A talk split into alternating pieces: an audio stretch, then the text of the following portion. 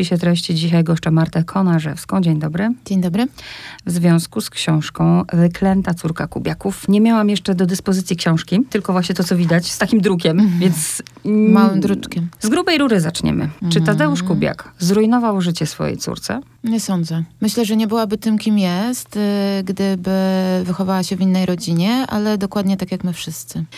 Całą taką mm, sytuacją, którą niewiele osób rozumiało, kiedy opowiadałam o moich y, rozległych rozmowach z Małgą Kubiak, które potem złożyły się na tę książkę, to była taka sprawa, że ona była bardzo szczęśliwa w swoim domu jako dziecko i powiedziała mi, że mm, nie miała innego domu, nie miała innego ojca, miała tego ojca, tego bardzo kochała i obok tych rzeczy, o które pani pewnie teraz chodzi i które pani pamięta z książki i które mogą nam się wydawać bardzo trudne, okrutne, traumatyzujące, ona miała bardzo wiele bajki w dzieciństwie. Miała ojca poetę, y, miała poetycki dom, miała matkę z szaloną wyobraźnią, miała wyjątkowe dzieciństwo. Ona opowiadała, że niczego jej nie brakowało. Ona jako dziecko nie wiedziała, czy jest szczęśliwa, czy nieszczęśliwa, ale nie pamięta, żeby była nieszczęśliwa. My możemy z dzisiejszej perspektywy, lub ona może, jeśli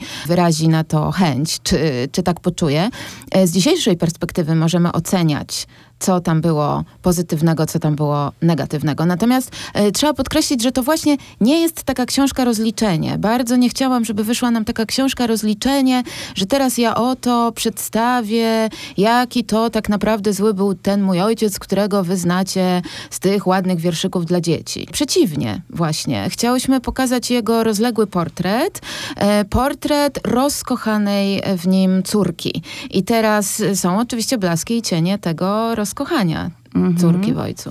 Ale patrzę też, co się dzieje, bo na razie ta książka y, jutro chyba wychodzi dokładnie, 18 tak. lutego, tak. ale patrzę, co się dzieje w sieci, y, mhm. w jakim kontekście ona się pojawia. Pani przedstawiła taką perspektywę, a ja wyczytałam taką mhm. perspektywę. Matka schizofreniczka, mhm. y, ojciec pedofil, prawda? Zupełnie inna strona. Nie, I boję no się, że to... Absolutnie. Ja myślę, że miłość. My, nie, nie, w ogóle to y, nie pędźmy tam. I jakby nie ma co się tutaj y, jakoś, nie wiem, nie ma co się tutaj pobudzać wokół tego tematu. E, ja myślę, że mm, to jest tak. My żyjemy teraz w Polsce, w kraju, w którym było ostatnio bardzo dużo afer o nadużycia. I natychmiast wszystko kojarzy się bardzo grubo, że tak powiem, bardzo ordynarnie i pędzimy od razu do tego. Zupełnie nie ma żadnych wskazań do tego, żeby twierdzić, że Tadeusz Kubiak miał jakieś skłonności pedofilskie. Fakt rozkochania córki w ojcu ma tutaj... On jest naprawdę rozlegle rozpisany w tej książce. Tu trzeba powiedzieć w ogóle, że my bardzo często często używamy takiego psychoanalitycznego języka, w którym rozkochanie córki w ojcu ma wiele poziomów. To nie mhm. chodzi o żadne relacje seksualne i erotyczne, więc y, tutaj no, muszę ostudzić. Mhm. Natomiast to wcale nie znaczy, że to nie jest ciekawa książka, tylko wręcz przeciwnie, bo moim zdaniem ona by była nieciekawa, gdyby ona miała, ona krążyła wokół, gdyby krążyła wokół jednego zdania, mhm. e, jakiegoś takiego skandalizującego zdania. Natomiast nie. Chodziło o to, żeby rozpisać na wielu poziomach, na wielu płaszczyznach dzieciństwo a potem dorosłe życie artystki, reżyserki, e, twórczyni, córki artystycznych e, rodziców mm -hmm. i żeby sportretować nasze rozmowy, w których ja, jako osoba y, wtedy zaprzyjaźniona z Małgą Kubiak i trochę z nią też współpracująca, to znaczy, no, współpracująca, ja jakiś brałam performatywny udział w jej e, filmach, mm, w jaki sposób ja jej słucham, jak ja reaguję na to, co ona mówi i jak rozgrywa się ta nasza międzykobieca rozmowa, tam gdzie ja czasem się dziwię, czasem jestem bardzo poruszona, czasem nie mogę uwierzyć, czasem jakoś reaguję z perspektywy współczesnego feminizmu, czasem nawet trochę młodszego niż ja sama a czasem wiele się od niej uczę, prawda? I to jakby chodziło o to, że ta książka ma tego rodzaju dynamikę. Jak funkcjonuje dzisiaj ogólnie w świadomości Polaków i o ile funkcjonuje, kim jest Tadeusz Kubiak? Ja myślę, że w świadomości Polaków i Polek Tadeusz Kubiak jest poetą dla dzieci. Mhm. E, bo mamy jeszcze cały czas jego wiersze w czytankach, w podręcznikach. E, cały czas je się recytuje na apelach. I to jest krzywe zwierciadło rzucone na Tadeusza Kubiaka, dlatego, że on był, w, w jak się mówi, wszechstronnym mhm. poetą. E, bardzo ciemnym, mrocznym. Jak weszłam w jego wiersze, to byłam w bardzo ciemnym świecie, bo jak przygotowywałam się do tych rozmów, rozmów, to rozczytywałam się rzeczywiście w jego wierszach i widać, że to był człowiek bardzo smutny, niejednokrotnie złamany. Czuć też bardzo ten alkohol w jego wierszach, ale to jest taki alkohol PRL-owski, kiedy oni wszyscy pili i płakali, jak mi opowiada Małga Kubiak. No więc y, przede wszystkim to, to jest pierwsza rzecz, którą też chciałam odsłonić na temat Tadeusza Kubiaka w tej książce. O ile Tadeusz Kubiak w świadomości poeta, o tyle o mamie raczej mało kto wie. Mhm. O mamie mało kto wie, bo to musimy też pamiętać, że to są czasy dawne, już teraz, przedfeministyczne, kiedy kobiety artystki e, o wiele mniej e, były zauważone. One były raczej tam gdzieś pobocznie. E, sobie niektóre się oczywiście wybiły, ale to nie było takie łatwe. Poza tym Danuta Kubiak była, ona nie miała wtedy chyba stwierdzonej schizofrenii. To był jeszcze inny poziom me medycyny w, w tamtych czasach. Natomiast na pewno była była osobą psychotyczną i trochę się bano, jak mi opowiada też Małga, e, powierzać jej takie odpowiedzialne jakieś zadania, więc ona w kółko musiała coś robić jako asystentka, mimo że była bardzo zdolna. A potem, na co też zwraca uwagę Małga, że odszedł od nich ojciec, kiedy Małga miała 8 lat, e, odszedł do innej kobiety, to wtedy Danka Kubiak została jakby wypisana z towarzystwa, że to jest mhm. taki los y, porzuconej żony, porzuconej kobiety, że Tadeusz Kubiak dalej się kręci kręcił po spatifach i innych tam, prawda, klubach i miejscach. Natomiast Danka raczej została między domem i teatrem. I w tym wszystkim w 1950 roku rodzi się, tak jak pani mówi, Małga. Dlaczego Małga, nie Małgorzata? Tak, e, ona o sobie mówi. Tak ma na imię. Chociaż miała mieć Zuzanna, z tego co pamiętam, tak? Yy, tak, miała mieć Zuzanna, ale ojciec y, powiedział, że Zuzanna przez startu złapana, tak. więc nie może jej wrobić w to. Małga, jak się poznałyście? No, my się poznałyśmy e, przez moje, moją wielką fascynację na takim festiwalu filmowym LGBT Film Festival w Warszawie, w Pałacu Kultury. I tam ja weszłam na film o Lorce, zrobiony przez Małgę Kubiak. Byłam absolutnie zachwycona. To jest taki awangardowy, dziwny film, film, esej, nie wiem, trudno powiedzieć, no to jest niszowe kino. Bardzo dobry film i pomyślałam, że bardzo chcę poznać tę osobę i ona potem była na bankiecie i zaczęłyśmy rozmawiać, a potem była taka sytuacja, nie pamiętam, ja coś miałam z nogą, miałam jakąś zranioną nogę i było mi niewygodnie, bo miałam buty na obcasach, coś i następnego dnia, ponieważ oczywiście trwa festiwal, więc w kółko się spotyka tych samych ludzi, Małga Kubiak przyniosła mi buty. A ja mam e, taki nietypowy rozmiar, bardzo mały, więc to, to nie jest, ja jej chyba opowiadałam dzień wcześniej, już tego dobrze nie pamiętam, że jest mi mi tak trudno kupić jakieś wygodne buty i ona przyniosła mi buty. I to była taka niesamowita sytuacja. To było parę lat temu, ale jestem strasznie słaba w liczbach. Bo ja się zastanawiam, y, kiedy się zrodził pomysł na tę książkę? Pomysł się zrodził na tę książkę, jak znałyśmy się pewnie za trzy lata. Ale to była bardzo intensywna znajomość. Szybko się zorientowałyśmy, że mieszkamy bardzo blisko mhm. siebie i by, była to intensywna znajomość. Ja się szybko zachwyciłam Małgą Kubiak jako artystką, e, bywałam u niej w domu, ona zaczęła opowiadać historię i po prostu ja czułam, że to nie można tego zaprzepaścić, że ona też niesamowicie opowiada, że ona ma bardzo bogate życie, mhm. że to jest osoba z undergroundu i z niszy, ale bardzo bym chciała pokazać e, jakby ją i mnie e, rozmawiającą z nią w tej mhm. fascynacji szerszej publiczności. Ja byłam też wtedy pod wpływem takiej książki, takiego wywiadu, rozmowy właśnie z Liv Ullman. Człowiek, który z nią jakoś współpracował przy jakimś scenariuszu. Mi się strasznie podobało, jak on z nią rozmawia jako taka osoba, która już ją trochę zna i rozmawia z nią na jakiejś takiej fascynacji,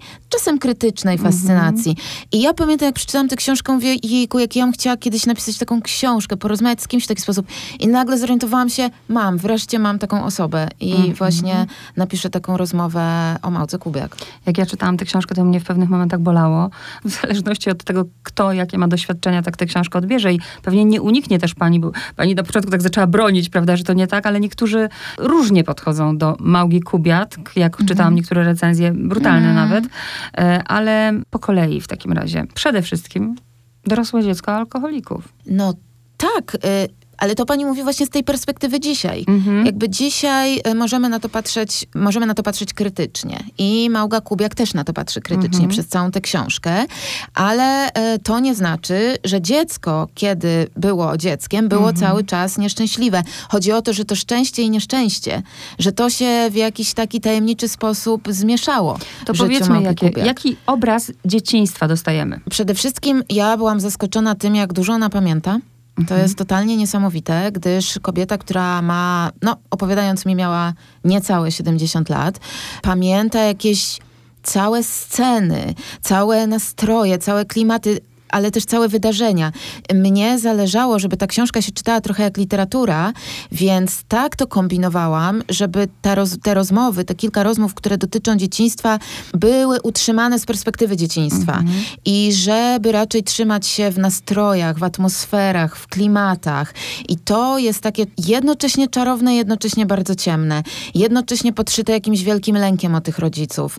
O tego ojca, który w kółko chciał popełniać samobójstwo. I o tej matce, i, i prawda, która ciągle bała się, że umrze. I y, ci rodzice też jakoś, ona opowiada, że traktowali je jako dorosłą, mhm. opowiadali jej historie, które dzisiaj, jak sobie o tym myślimy, ale proszę pamiętać, że to były lata 50., naprawdę inaczej się traktowało wszystko i dzieci, i mhm. dojrzałość dzieci. E, że dzisiaj, jak sobie myślimy, żeby opowiadać dziecku o traumach wojennych, albo żeby opowiadać dziecku o własnych y, jakichś tam y, traumach wojennych związanych z tym, że kilku kolegów mi umarło czy, czy też zostało wywiezionych, a ja nie zdążyłem ich uratować, no to dzisiaj nam się wydaje, matko, szok. A, a kiedyś prawdopodobnie tak nie było. Ona uważała się również za dorosłą, pamięta się jako wiecznie dorosłą. No dzisiaj mówimy a na to jednocześnie jako zabawka dla tych wszystkich twórców i artystów, prawda? Występująca przed nimi gdzieś tak, tam. Tak, tak, tak. Piękna dziewczyna, dziewczynka, a mhm. potem dziewczyna o długich blond włosach, e, szylejka, występująca, szybko nauczyła się czytać, pięknie czytała w długiej białej koszuli po nocy, pijanym kolegom Tadeusza Kubiaka i koleżanką wiersze. No i no. to też pamiętała, że tam wszyscy byli pijani. Jak, tak. jak pani pytała o Kalinie Jędrusik, to tylko jedno hasło. Też piła, nie? Też piła, tak. Wszyscy byli, no pięknie pokazany ten świat artystów właśnie No tak dziecko mogło mm -hmm. widzieć. Ona nie rozumiała tego za bardzo, co się dzieje. To jest też niesamowite, bo tak ten Kalina Jędrusik się tak estetyzuje dzisiaj, tak się ją cały czas pamięta, o piękna, o chrypły głos, coś, a Małga ją właśnie pamięta wśród wielu innych i że mówi mi, wszyscy mieli ochrypły głos od tej wódki mm -hmm. i tych mhm. papierosów. E, I to takie jest z perspektywy spod stołu, gdzieś przy framudze drzwi, no bo jak ona może pamiętać? Ona tak pamięta, bo ona miała parę lat mm -hmm. wtedy. No i nie dziwne, że tak bardzo szybko też weszła w, to, w ten moment, kiedy kończy się impreza, ona podchodzi i spija, prawda, resztki alkoholu z tych kieliszków. Ale to już była dorosła. Żebyśmy nie pomieszały, tak, tak, tak. Mhm. Mm, bo ta historia chyba, o której pani teraz opowiada, to jest, jak ona już miała około 20 lat. I wtedy już urodziła się też jej córka i to jest ta historia, y, kiedy ona spija ze wszystkich kieliszków na wieczorze autorskim swojego ojca. Ale córka urodziła się, kiedy miała 16 lat, tak? 18. 18. Albo nawet 19, bo kiedy miała 18, zeszła w ciąży. Mhm. Ale też szybko zaczęła dorosłe było to dzieciństwo i szybko zaczęła to dorosłe życie. Tak, I tu, tak. tu się też obudził w tym ojcu taki konserwatyzm wtedy, nie? Bo chyba mm. to mhm. jest jedyny raz, kiedy uderzył ją w twarz, prawda? Opowiada, że wtedy ją uderzył, chyba jakoś nie mógł tego udźwignąć. To... On nawet taki wiersz napisał, mm -hmm. że mhm. dzieci mają dzieci. Tak. To znalazłam ten lęk w jego wierszach. Niesamowite w ogóle, tak rozmawiałam z Małgą Kubiak sobie, jak bardzo dużo poeci umieszczają prywatnych rzeczy w swoich wierszach. Nawet jak one są przeobrażone i nawet sobie tak rozmawiamy z Małgą, że potem tak się w szkole interpretuje to, czy tamto, a tam jest strasznie dużo życia tak naprawdę w tych wierszach. Dlaczego wyklęta? To mi trudno odpowiedzieć, dlatego że to jest tytuł, który wymyślił redaktor prowadzący i od razu żeśmy się na niego po prostu jakoś tak zgodziły. Aha, no a gdybyśmy tak pokombinowały, bardziej bym pomyślała, że wyklęta, ona jest bardziej pokrzywdzona w tym wszystkim, ale wyklęta dlatego, że mm, łamie konwenanse? Myślę, że to słowo ma, ono jest bogate to słowo i ono nam się spodobało jako mhm. taka e, propozycja tytułu. Mogła się poczuła jakoś w tym mhm. słowie i myślę, że na wielu poziomach ona może być wyklęta. Może być wyklęta z kanonu. Mhm. Może być wyklęta z polskości. Mhm. Może, być, y, może być wyklęta na różne sposoby i myślę, że tu możemy, możemy dać pole do interpretacji. Teraz powiedzmy, z czego e, utkana jest ta książka kompozycyjnie? No właśnie ta książka, mm, ona jest utkana z takich dwóch przestrzeni. E, jedna to jest przestrzeń naszej rozmowy, głęboko, bardzo intymnie poprowadzonej rozmowy, która przede wszystkim jest nie anegdotyczna, tylko ona się dzieje na takich warstwach przeżywania. Małga Kubiak opowiada mi różne historie, ale poprzez perspektywę przeżywania właśnie. I, I to jest bardzo gorąca rozmowa. Natomiast kontrapunktem dla tego jest taka inna sfera w tej książce, czyli coś, co ja nazwałam kroniką medialną i literacką. To się mm. przewija przez tę książkę. I to są takie fragmenty, tak przeze mnie pozlepiane, żeby się czytały jak jeden tekst. Fragmenty wywiadów, korespondencji, różnych wypowiedzi Tadeusza Kubiaka i wokół Tadeusza Kubiaka recenzji, no, czasami książek innych autorów, jak na przykład Marka Chłaski, e, takie, które dają perspektywę zewnętrzną, bardzo obiektywną, chłodną temu, o czym akurat rozmawiamy. Czyli książka jest poprowadzona chronologicznie, każdy jakby rozdział tej książki, rozmowa odpowiada pewnemu etapowi życia Małgi Kubiak i temu wszystkiemu odpowiadają jeszcze te kroniki, które dają nam taki bardzo zewnętrzny kontrapunkt mhm. do tego wewnętrznego świata, znaczy wewnętrznej perspektywy, z której mm, toczy się nasza rozmowa. Już zresztą pani mm, wspomniała o tym, że to jest bardzo kobieca książka, bo jest. I chciałam też jakby podotykać tej Małgi Kubiak. O dziewczynce już mówiłyśmy. Mhm. Małga była bohaterką, mm, nie wiem, literacką dla swojego ojca? No tak mówi, mhm. że od samego początku była postacią literacką, e, dziewczyną zamkniętą właśnie w treść wiersza, mhm. powiedzmy, mhm. bo ojciec e, był poetą. Mm, I tak jakoś jej zostało. To znaczy, że ona ma taką perspektywę na siebie jako na bohaterkę literacką i nawet, znaczy właściwie bardzo szybko złapałam się na tym, że najlepszą metodą na opowiedzenie Małgi Kubiak z jakiegoś pisarskiego powodu, ciemnego pisarskiego powodu jest jakoś uczynienie z niej bohaterki literackiej lub paraliterackiej. No i znowu została zamknięta w książkę, co może być trudne, no ale tutaj e, ma swój głos, ponieważ rozmawia ze mną. Całe jej życie, jak tak popatrzeć, to rzeczywiście czasem mm, hmm jest jak, jak książka. Prawda? Ale nie da się uwierzyć czasami, że tak. mogło, ktoś mógł tyle przeżyć w taki sposób. Ale przed tą właśnie, przed tym byciem bohaterką ucieka. Wyjeżdża z kraju. Bardzo szybko zresztą. Tak. Mm, ja, nie da się tego jej życia w kilku słowach zmieścić. Jakby to emocjami nazwać, takie poszarpane, takie... Z mojej perspektywy to bym pomyślała, że bardzo dużo nieszczęścia w tym życiu było. Bardzo dużo krzywdy ją spotkało. Mm. E, powiedzmy o niej jako o, no nie wiem, weźmy teraz Małgę jako obiekt męskich westchnień. Przez całą drogę jej życia, tak naprawdę, mm. zaczynając od tego, że jest małą dziewczynką i koledzy jej ojca mówią, wszyscy cię pragnęliśmy wtedy. Mm-hmm, mm-hmm. Tak, od samego początku Lolita tak o sobie mówi, że była Lolitą ojca. Oczywiście znowu muszę zrobić ten przypis, y, że to nie chodzi o taką dosłowną Lolitę Nabokowa, prawda? E, wykorzystaną seksualnie, tylko to chodzi o pewien topos, Lolity mm-hmm. nimfetki. E, dziewczyny, kobiety, dziewczynki, która się wszystkim podoba i która jest jakby zamknięta w tym obrazie. Bo to, co najważniejsze w Lolicie, to jest to, że jest Lolita w pewien sposób unieruchomiona w figurze pewnej. No i tak, ale ona przez całe życie się wyrywa z tego, bo ona, właśnie ona ciągle się wyrywa na tą swoją wolność, ale ciągle sama też mm -hmm. e, mhm. jakby umieszcza się w tej pozycji Lolity i córki tatusia, córki, ojca, bo jest bardzo silnie, bardzo silną emocją związana ze swoim ojcem, bardzo silną emocją. Ja w tej książce zrobiłam taką metaforę do Charlotte Gainsbourg, e, która jest podobnie silną emocją, wydaje mi się, jak czytam w wywiadach, związana właśnie ze swoim ojcem poetą, ze swoim ojcem artystą, który ją także umieścił w jakiejś figurze, prawda? W jakiejś metaforze wpatrzonej w ojca córki.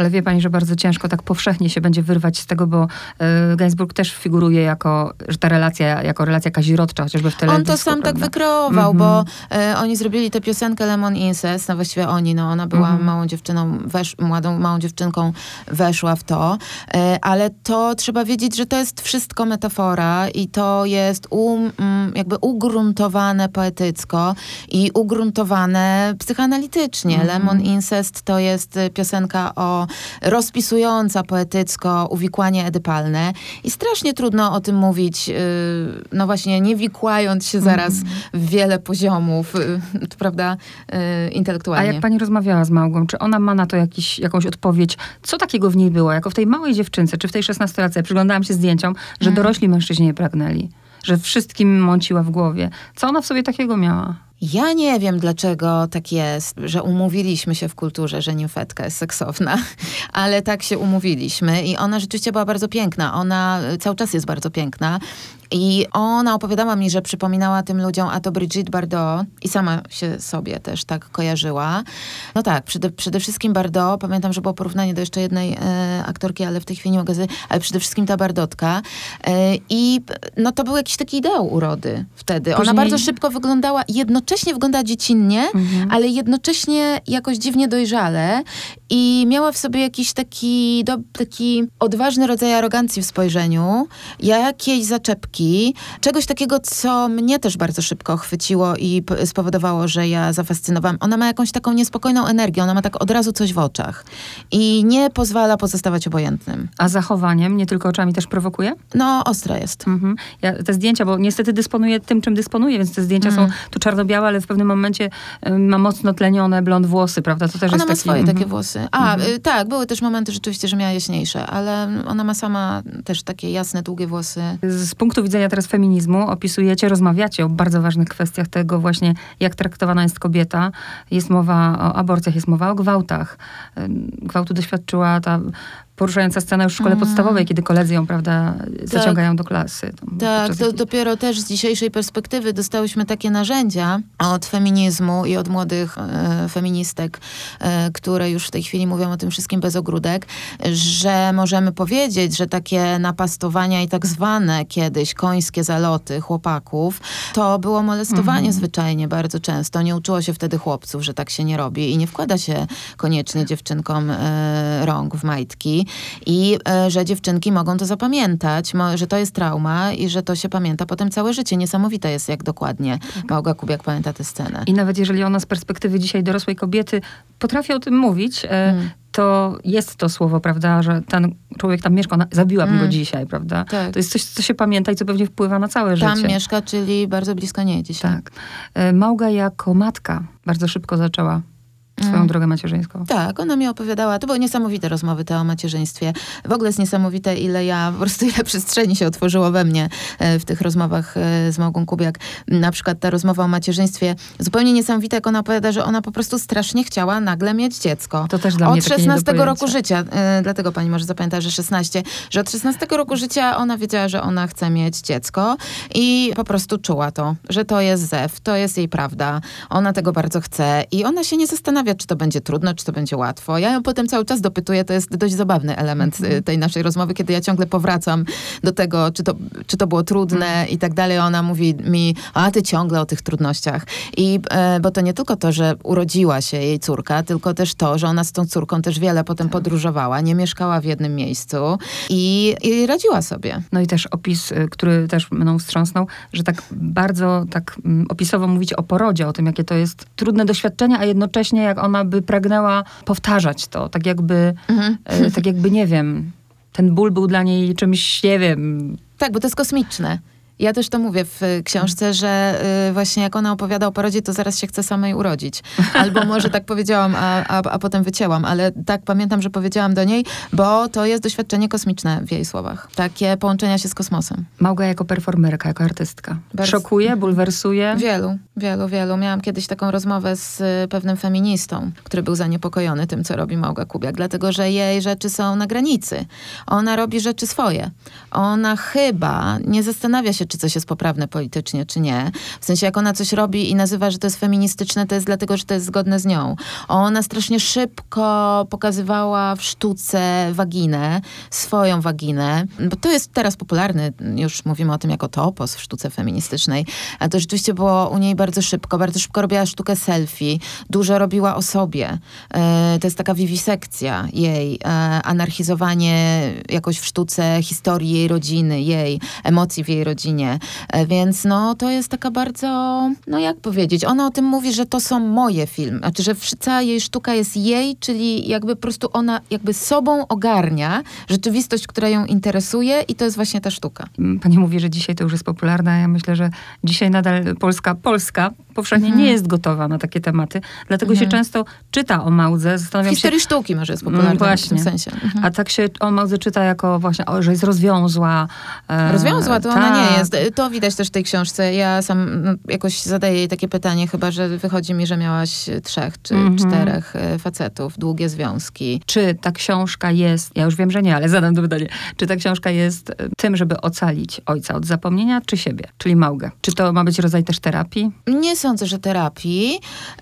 Myślę, że to jest książka, tak, na pewno przyświecał nam taki cel, żeby ocalić ojca od zapomnienia i od zniekształcenia.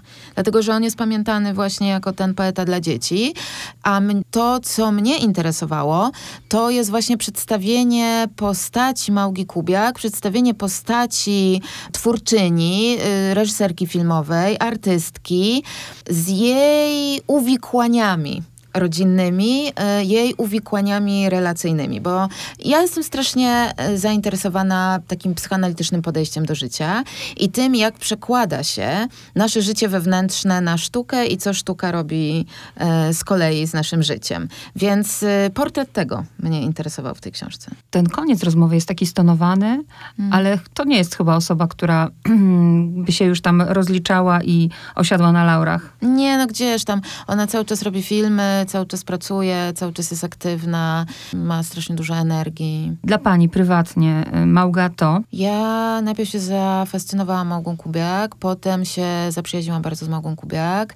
W tej chwili akurat czas jest bardzo trudny, gdyż no, intymne rozmowy to co innego, a potem obiektywizacja tej książki i reakcje ludzi y, to jeszcze inny temat i zobaczymy, co będzie dalej, kiedy książka już się ukaże i Małga przestanie być dla mnie kobietą, kobietą, o której ja piszę książkę. Mhm. I e, ta relacja jeszcze się zmieni. Dlatego, że ta książka powstawała na przestrzeni dwóch lat i po prostu no, Małga się stała postacią książkową taką, no nie mogę powiedzieć do końca literacką, bo to nie jest beletrystyka, e, ale stała się postacią. I teraz muszę poczekać, co dalej kim ona będzie dla mnie dalej. Może emocją bym to chciała nazwać, mm. bo niektórzy ludzie, kiedy już prawda, dobiegają jakiegoś wieku, no to później wyprasowują sobie pewne rzeczy w tej biografii. Jak czytałam, no to tak jak mówię, mnie w pewnych momentach ta książka bolała, mm. w pewnych się dziwiłam, bo sobie żyję jakimś tam prostym życiem, a emocja dla mnie, dla mnie ta małga jest taka y, dzika, taka nieokiełznana, mm. taka po prostu trudno ją wsadzić w jakieś ramy i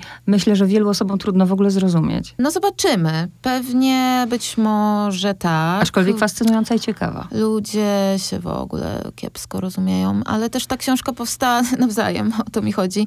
Ta książka powstała po to, żeby pokazać świat wewnętrzny czyjś, właśnie, a nie tylko anegdotę i zobaczymy. Ja ją próbowałam tak pisać, tworzyć, komponować, żeby właśnie pokazać jak najwięcej emocji, jak najszerzej i jak najbardziej też dotrzeć do emocji osoby, która czyta. To znaczy bardzo mi zależało na tym, tak jak ja zawsze tworzę y, swoje scenariusze i filmowe i te rzeczy dramaturgiczne, które tworzę dla teatru, y, żeby to się tak na scenie pokazało. Nie tak, żeby coś omówić, nazwać, ukonkretyzować, usiąść z jakąś panią i z dzisiejszej perspektywy spojrzeć na jej życie, tak jak się to robi w wywiadach rzekach, tylko starałam się budować takie sceny, żeby każda ta nasza rozmowa miała swój osobny klimat odrębny, dlatego też dawałam didaskalia, mm -hmm. żeby... -hmm. Tak, żeby zbudować taką, żeby, naocznie jakby, żeby to się rozegrało i żeby mogła sobie pani to obejrzeć tak jak film, może przeczytać tak jak książkę literacką i sama sobie potem zinterpretować, co to są za emocje prawda? Mhm. Żeby one tak pulsowały. No tak zresztą jest zbudowane, tak jak pani powiedziała. I też z osób, które występują w tym dramacie, którym jest życie. To jest silna, intensywna relacja y, córki, która wyrosła na reżyserkę filmową i ojca, który jest poetą i który stworzył z tej córki bohaterkę literacką, bohaterkę poetycką. Dziękuję. Marta Konarzewska, dziękuję bardzo. Dziękuję.